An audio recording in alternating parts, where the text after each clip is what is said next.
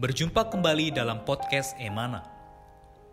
Renungan-renungan yang menguatkan iman ini diambil dari tulisan-tulisan saudara Watchmeni, seorang pelayan Tuhan yang sangat mengasihi Tuhan sampai akhir hidupnya. Semasa hidupnya, Tuhan memakai saudara Watchmeni untuk menyingkapkan banyak terang dan wahyu Alkitab. Di antaranya adalah mengenai salib, mengenai Kristus sebagai hayat, juga mengenai kesatuan tubuh Kristus. Kami berharap kehadiran podcast Renungan Emana, khususnya di masa pandemi virus hari ini, dapat menghibur dan menguatkan iman Anda. Podcast Renungan Emana dapat Anda dengarkan melalui aplikasi Emana dan Spotify. Anda dapat menghubungi kami pada nomor hotline Emana di 0851 5677 2397 Sekali lagi Anda dapat menghubungi kami pada nomor hotline Emana di 0851 5677 2397. Buku-buku saudara Watchmeni secara lengkap dapat Anda peroleh di toko buku Yasmerin, Tokopedia, Google Playbook, atau di website resmi yasmerin.com. Selamat menikmati seri renungan hari ini. Puji Tuhan, saudara-saudari, berjumpa kembali di dalam program pelayanan podcast Emanah sukacita ada kesempatan bersekutu menyampaikan firman Tuhan kepada saudara-saudari sekalian. Puji Tuhan, hari ini yang akan bersekutu dengan kita adalah Saudara Dwi Puji dari Palu. Halo Saudara Puji, bagaimana kabarnya? Amin, puji Tuhan, saudara-saudari. Uh, masih dalam penjagaan Tuhan, ya Amen. Tuhan baik kepada kita, ya Tuhan merawat kita, Tuhan menjaga kita ya. Uh, dan kita percaya bahwa pengaturan Tuhan semuanya mendatangkan kebaikan. Amen. Saya berharap setiap saudara-saudari yang saat ini mendengar uh, podcast ini juga dalam keadaan yang sehat, yang diberkati ya, yang sukacita, ada damai sejahtera di tengah-tengah kita. Amin. Amin. Puji Tuhan. Terima kasih sudah bergabung, Saudara Puji. Nanti akan ada waktu untuk bersekutu yang membagikan firman Tuhan kepada saudara-saudari yang mendengarkan podcast ini. Amin. Saudara-saudari, uh, sebelum kita memulai, saya ingin sedikit menyampaikan terlebih dahulu bahwa minggu ini kita masih membahas satu topik yang sama, yaitu mengenai perkara memimpin orang kepada Tuhan, yang diambil dari buku pembinaan dasar yang ditulis oleh saudara Watchmeni. Puji Tuhan saudara-saudari, ya beri podcast edisi yang sebelumnya kita telah melihat bahwa untuk bisa memimpin orang kepada Tuhan, pertama kita harus memiliki doa. Ya, langkah pertama kita adalah melalui berdoa. Lalu kemudian kita juga perlu mencatat. Kemarin kita melihat mengenai dosa sebagai salah satu penghalang doa kita. Nah, saudara-saudari, khususnya hari ini kita akan melanjutkan persekutuan kita dengan membahas mengenai menyelamatkan orang harus beriman. Saya ulangi, menyelamatkan orang harus beriman. Ini adalah topik kita pada hari ini. Nah, Saudara Puji akan uh, bersekutu dengan kita mengenai perkara memimpin orang kepada Tuhan. Ya, memang kita perlu berdoa, kita harus menyingkirkan penghalang doa yaitu dosa. Namun di aspek yang positif, ketika kita berdoa, kita juga harus memiliki hati yang percaya. Ya, kita harus memiliki iman. Nah, inilah yang bisa membuka jalan bagi kita untuk memimpin orang kepada Tuhan. Kita akan mulai dengan saya membacakan satu ayat di dalam Lukas pasal 17 ayat 6. Saya akan bacakan bagi kita lalu saudara Puji akan merespon ayat ini. Lukas pasal 17 ayat 6 dikatakan, Jawab Tuhan, kalau sekiranya kamu mempunyai iman sebesar biji sesawi saja, kamu dapat berkata kepada pohon ara ini, Terbantunlah engkau dan tertanamlah di dalam laut, dan ia akan taat kepadamu. Puji Tuhan, saya persilahkan kepada saudara Puji untuk merespon sekaligus memulai persekutuan kita. Amin. Amin. Uh, saudara seri ayat di dalam Lukas pasal 17 ayat 6 ini berkorelasi ya uh, dengan Matius pasal 21 ayat 21. Di sini dikatakan bahwa Yesus menjawab mereka, Aku berkata kepadamu, sesungguhnya jika kamu percaya dan tidak bimbang, kamu bukan saja akan dapat berbuat apa yang kuperbuat dengan pohon ara itu, tetapi juga jika kamu berkata kepada gunung ini, beranjaklah dan tercampaklah ke dalam laut, hal itu akan terjadi ya. Saudara-saudari, uh, Lukas pasal 17 ayat 6 memakai istilah yaitu iman sebesar biji sesawi. Matius pasal 21 uh, memakai istilah percaya dan tidak bimbang. Uh, sudah seri iman sebesar biji sesawi itu sama dengan percaya dan tidak bimbang. Ya, besar kecilnya itu bagi Tuhan tidak masalah.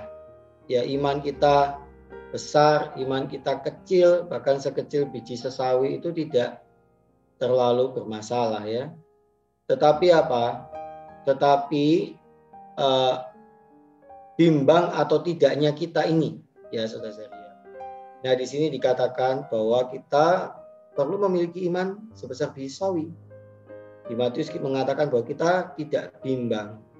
Nah kemudian apa saudara Tadi Tuhan mengatakan bahwa kalau kita punya iman yang demikian, tidak bimbang yang demikian, kita dapat berkata kepada pohon ara ini, terbantunlah engkau dan uh, tertanamlah ke dalam laut dan ia akan taat kepadamu. Ya. Uh, saudari ini adalah satu doa yang unik, ya, doa yang unik. Kenapa? Doa yang unik ini adalah doa yang unik ini adalah tidak berkata-kata kepada Allah, tetapi doa yang unik ini berkata-kata kepada pohon arah ya kepada orang atau uh, perkara yang kita doakan. Nah, saudara-saudari, jadi uh, di sini kita melihat ya bahwa ada ya iman yang demikian. Bahkan kita tidak lagi kepada Allah lagi, tetapi kepada masalah itu, kepada pergumulan itu, ya kepada uh, perkara itu, ya atau orang tersebut. Jadi saudari, uh, kalau kita memiliki iman yang demikian, wah, maka Tuhan mengatakan juga di dalam Markus pasal 11 ya, ayat yang ke-23 sampai 24.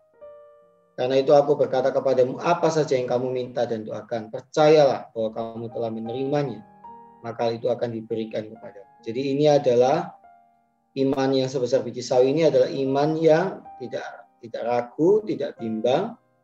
Uh, kemudian iman yang ketika kita berdoa, kita percaya bahwa kita sudah menerimanya. Saudara dari minggu ini kalau kita hubungkan mengenai membawa orang kepada Tuhan, maka ketika kita berdoa bagi orang tersebut, ya kita perlu berdoa dengan iman yang demikian. Kita perlu berdoa dengan keyakinan ya. Uh, tidak ragu bahwa orang yang kita doakan benar-benar akan Tuhan uh, selamatkan ya. Dia benar-benar akan mendapat keselamatan.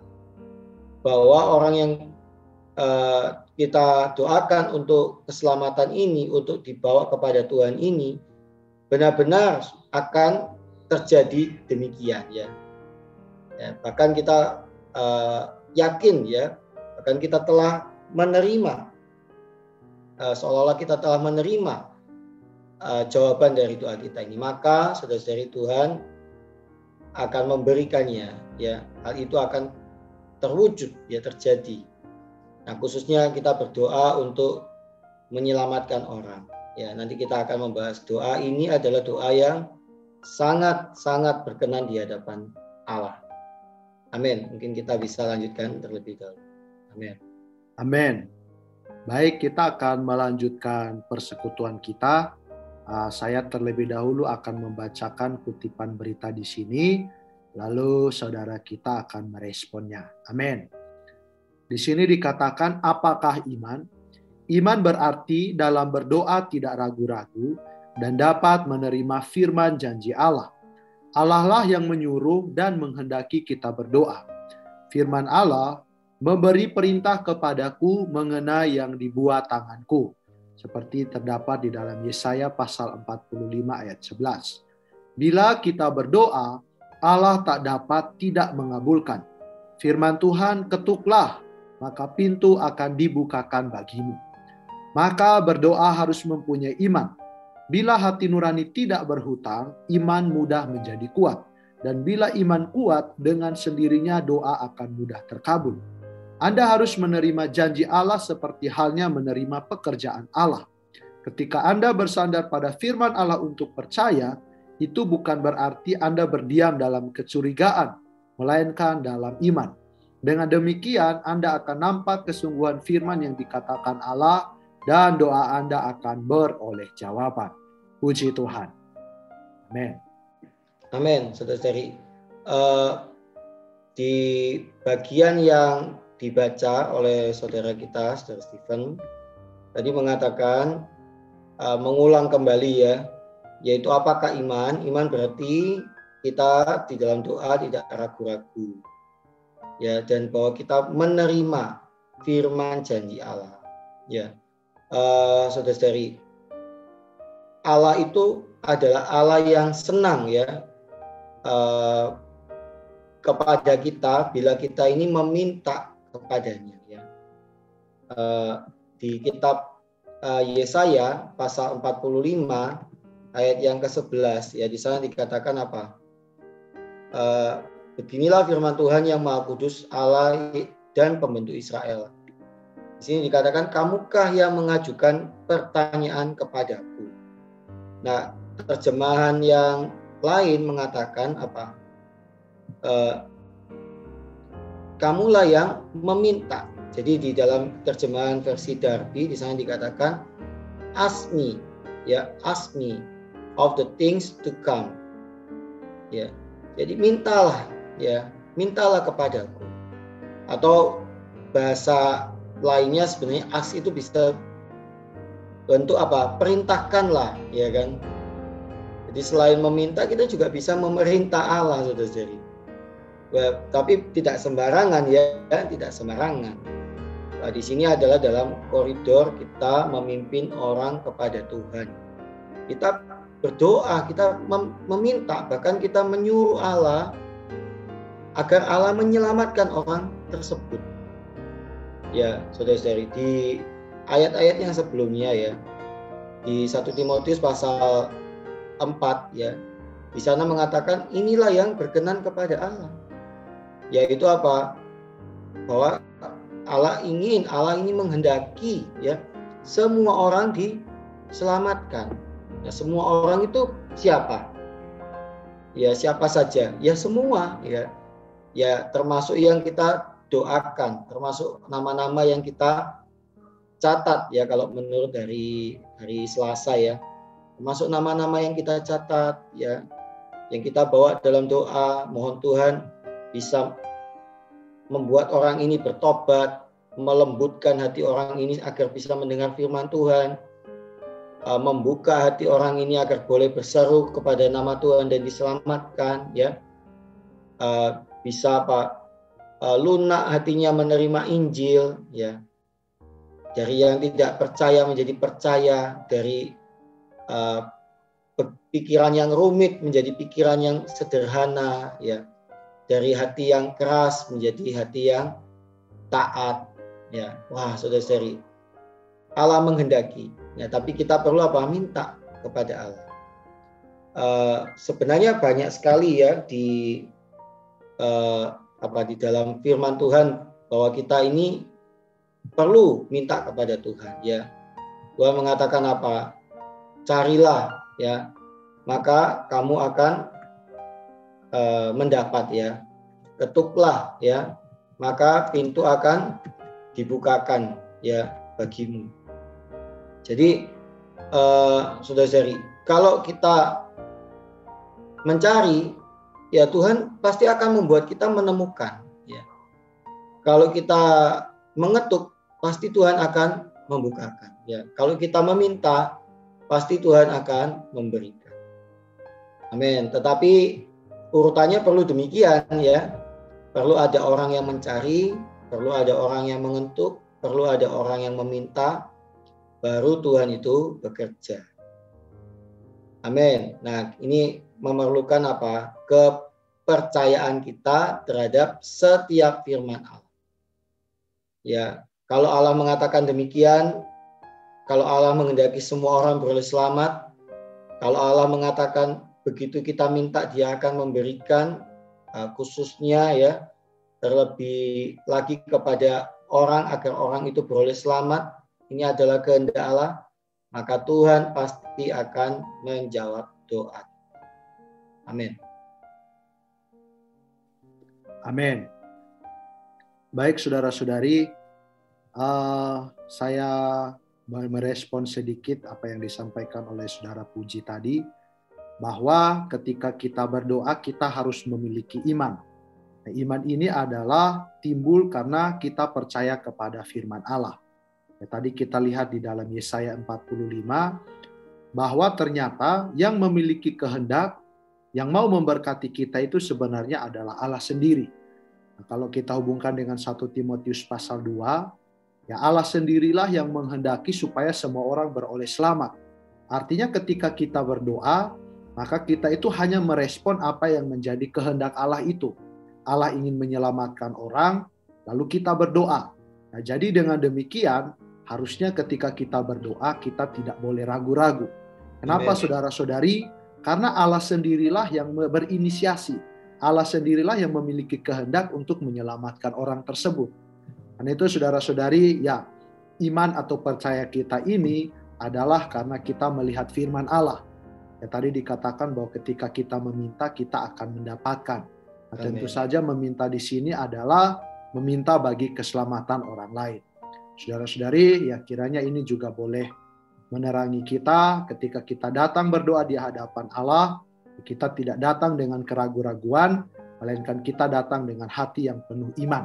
Ya, kita percaya terhadap firman Allah. Amin. Saya Amen. lanjutkan membacakan bagian terakhir dari persekutuan hari ini, lalu saudara Puji akan merespon uh, bersekutu lagi. Amin. Saudara-saudari, tidak mungkin setelah Anda meminta tidak diberikannya. Kalau kita tidak beriman sedemikian, kita menganggap Allah kita sebagai Allah yang bagaimana? Kita wajib nampak bahwa janji Allah itu patut dipercaya dan diandalkan. Amin. Iman kita berdasarkan pengenalan kita terhadap Allah. Berapa dalamnya pengenalan kita, begitu pula lah dalamnya iman kita. Anda telah diselamatkan, Anda pun telah mengenal Allah. Maka Anda dapat percaya tak ada kesulitan sama sekali. Puji Amin. Tuhan. Baik. Ya. Uh, di sini yang perlu kita garis bawahi adalah frase tingkat ya iman kita itu berdasar kepada pengenalan kita terhadap Allah. Kalau kita mengenal Allah, ya maka kita pasti percaya kepada Allah, percaya kepada firman-Nya. Betul tidak Seseri? Kalau kita tahu ya siapakah Allah kita, maka ketika kita berdoa kita tidak akan ragu. Ya, misalkan misalkan bagaimana ya saya saya tahu bahwa e, kalau saya meminta kepada bapak ya bapak saya ya orang tua saya orang tua saya pasti akan mendengar karena orang tua saya e, dan memberikannya ya karena orang tua saya sanggup dan orang tua saya mau dan orang tua saya sebenarnya senang kalau saya meminta itu.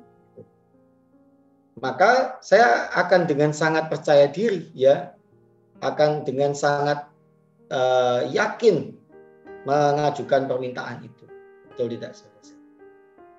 Nah ketika kita mengenal Allah kita ya maka ketika kita berdoa kepada Allah makin dalam pengenalan kita terhadap Tuhan makin kita akan yakin berdoa nah karena itu sebenarnya hari uh, renungan hari Selasa ini sangat penting ya. Kita perlu mencatat doa-doa kita ya. Perlu mencatat orang-orang yang kita doakan dan bagaimana jawaban Tuhan atas mereka. Semakin banyak saudara-saudari uh, jawaban doa Tuhan ya dari daftar doa kita maka hati kita akan makin apa tidak ada keraguan, tidak ada kebimbangan terhadap doa terhadap Tuhan ya. Saudara-saudari, tapi kalau kita ini tidak pernah berdoa, tidak pernah mengalami jawaban doa, ya. Tidak pernah mengalami pengabulan doa. Lama-lama ya kita makin tidak berdoa. Terakhir kita akan tidak percaya kepada Tuhan. Betul tidak saudara? Nah karena itu orang Kristen ya memiliki Allah yang sangat-sangat apa? Sangat-sangat baik ya. Allah yang mendengar doa, Allah yang menjawab doa. Makin kita memiliki banyak jawaban doa, banyak orang-orang yang kita doakan ini kemudian percaya kepada Tuhan, bertobat, beroleh selamat. Makin kita akan senang mendoakan orang-orang ya. Dan makin kita akan mendoakan orang dengan penuh keyakinan. Nah, ada satu ayat yang menarik ya di Yohanes pasal 15 ayat 7 dan 8. Yohanes pasal 15 ayat 7 dan 8 saya bacakan. Jikalau kamu tinggal di dalam aku dan firmanku tinggal di dalam kamu, mintalah apa saja yang kamu kehendaki dan kamu akan menerimanya. Dalam hal inilah Bapakku dipermuliakan, yaitu jika kamu berbuah banyak dan dengan demikian kamu adalah murid-muridku. Nah, saudara-saudari, ayat ini uh, jangan disalahpahami bahwa kita minta apa saja. Minta apa saja dalam ayat 7 itu berkaitan dengan berbuah banyak dalam ayat 8 ya. Jadi permintaan kita di ayat 7 seharusnya adalah minta kita sebagai ranting-ranting dalam pokok anggur bisa berbuah banyak. Ya, dan dengan demikian itu akan memuliakan Bapa Nah, saudari, orang diselamatkan, orang dibawa kepada Allah itu yang yang mendapat kemuliaan ya, yang berbahagia itu bukan bukan kita ya, tetapi apa? Bapa. Saudara-saudari. Dan demikian apa? Bapak ini pasti ya menjawab ya. Pasti kita akan menerima jawaban doa ini. Karena ini adalah yang disenangi oleh Bapak kita. Ini adalah yang dikehendaki oleh Bapak kita, yaitu ketika kita berbuah baik. Nah, orang-orang yang kita bawa dalam Tuhan, tentu mereka ini adalah buah-buah rohani atau buah-buah Injil kita. Ya, Allah sangat senang saudara-saudari kita berdoa untuk uh, buah-buah Injil untuk membawa orang kepada Tuhan, untuk pertobatan seseorang. Ya, maka saudara-saudari, amin. Mulai malam ini ya, taruhlah nama-nama ya orang di dalam hati kita Mungkin kita bisa menaruh apa keluarga kita. Kita berdoanya bisa sesuai dengan firman Tuhan. Ya, kita mengatakan Tuhan, satu orang beroleh selamat, seisi keluarga beroleh selamat.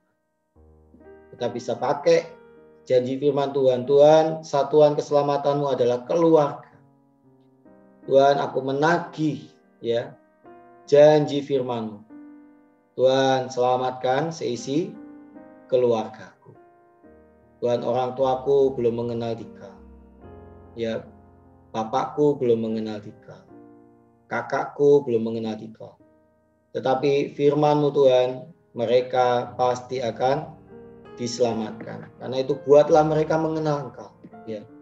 Buatlah mereka menerima Engkau. Ya. Nah, demikian saudara-saudari, maka Tuhan akan bekerja. Ya, kalau kita minta, Tuhan pasti akan memberi. Kalau kita ketuk, pasti Tuhan akan membukakan. Ya, kalau kita mencari, pasti kita akan mendapat. Haleluya. Seseri uh, begitu banyak uh, kesaksian ya yang kita bisa bagikan sebenarnya, uh, tetapi tidak akan cukup ya waktunya ya. Uh, bahwa ketika kita berdoa bagi seseorang, Tuhan bekerja dengan sangat ajaib baik itu melalui kita maupun melalui lingkungan, situasi orang itu, membawa orang ini apa? Mengarahkan orang ini kepada dirinya sendiri ya, kepada pertobatan, kepada Injil. Demikian selesai. Uh, maka ini hanya bukan hanya menjadi apa pengetahuan kita, tetapi benar-benar menjadi pengalaman kita. Kita bisa banyak pengalaman, jawaban doa ya terhadap orang-orang yang kita doakan untuk keselamatan mereka, untuk pertobatan mereka. Amin. Tuhan memberkati. Amin. Terima kasih Saudara Puji atas persekutuannya. Saudara-saudari, saya ingin menyimpulkan persekutuan ini dengan membacakan satu kalimat yang ada di dalam bagian kedua berita ini. Di sana dikatakan, saudara-saudari, tidak mungkin setelah Anda meminta tidak diberikannya. Puji Tuhan, saudara-saudari ini adalah janji Allah kepada kita bahwa tidak mungkin ya setelah kita meminta dia tidak memberikan. Sekarang yang menjadi pertanyaannya adalah apakah kita sudah meminta? Kalau kita sudah meminta, apakah kita sudah berkali-kali meminta, saudara-saudari? Ya. Saudara-saudari, semoga persekutuan ini ya juga mendorong kita ya selain di satu pihak kita perlu ada hati untuk memimpin orang kepada Tuhan, jadi aspek yang lain kita juga tidak boleh jemu-jemu datang kepada Allah berdoa meminta terhadap keselamatan orang itu. Saudara-saudari kita yakin dan percaya bahwa jika kita mengerjakan demikian, maka sesuai dengan janji Allah, dia pasti akan mengabulkan doa kita. Karena doa kita ini adalah berkaitan dengan kemuliaannya sendiri. Ya, ketika Amen. orang yang kita doakan itu diselamatkan, maka kemuliaan itu adalah milik Allah sendiri. Puji Amen. Tuhan. Untuk menutup persekutuan kita, saya minta saudara Puji boleh berdoa bagi kita bersama. Amin. Amin. Mari saudara-saudari kita berdoa. Amin. Tuhan Yesus, terima Amen. kasih Tuhan. Terima ya. kasih kami percaya padamu. Amin. pun juga percaya kepada firman-Mu. Amin. Firman-Mu mengatakan, Tuhan, ketika kami meminta, kepada kami akan diberikan. Amin. Tuhan, ketika kami mengetuk, bagi kami akan dibukakan. Oh Amin. Tuhan, ketika kami mencari, maka kami Amin. akan menemukan. Amin. Dan khususnya ketika kami berdoa bagi keselamatan seseorang. Tuhan berdoa agar seseorang berpaling dari oh Tuhan dunia Amin. pada Tuhan. Tuhan untuk pertobatannya. Oh Tuhan untuk perpalingannya. Amin. Tuhan, maka Tuhan, kau pasti Tuhan akan mendengar, kau pasti akan menjawab. Amin. Tuhan inilah yang menjadi iman kami, yaitu setiap janji perkataan dalam firman. Oh Tuhan Yesus, Tuhan jadikan kami orang yang berdoa. Tuhan, dalam doa kami penuh dengan nama-nama oh Tuhan orang-orang yang kami mau selamatkan. Amin. Tuhan Yesus, berikan kami beban Injil ini ya Tuhan. Berikan juga kami buah-buah Injil. Amin. Tuhan, ketika kami berbuah banyak, Tuhan sungguh di yang mendapat kemuliaan. Amin. Yesus, Tuhan ini adalah kehendakmu, ini adalah perkenan. Amin. Terima kasih Tuhan Yesus, dalam namamu kami berdoa. Amin. Puji Tuhan. Terima kasih saudara Puji atas waktu dan persekutuannya.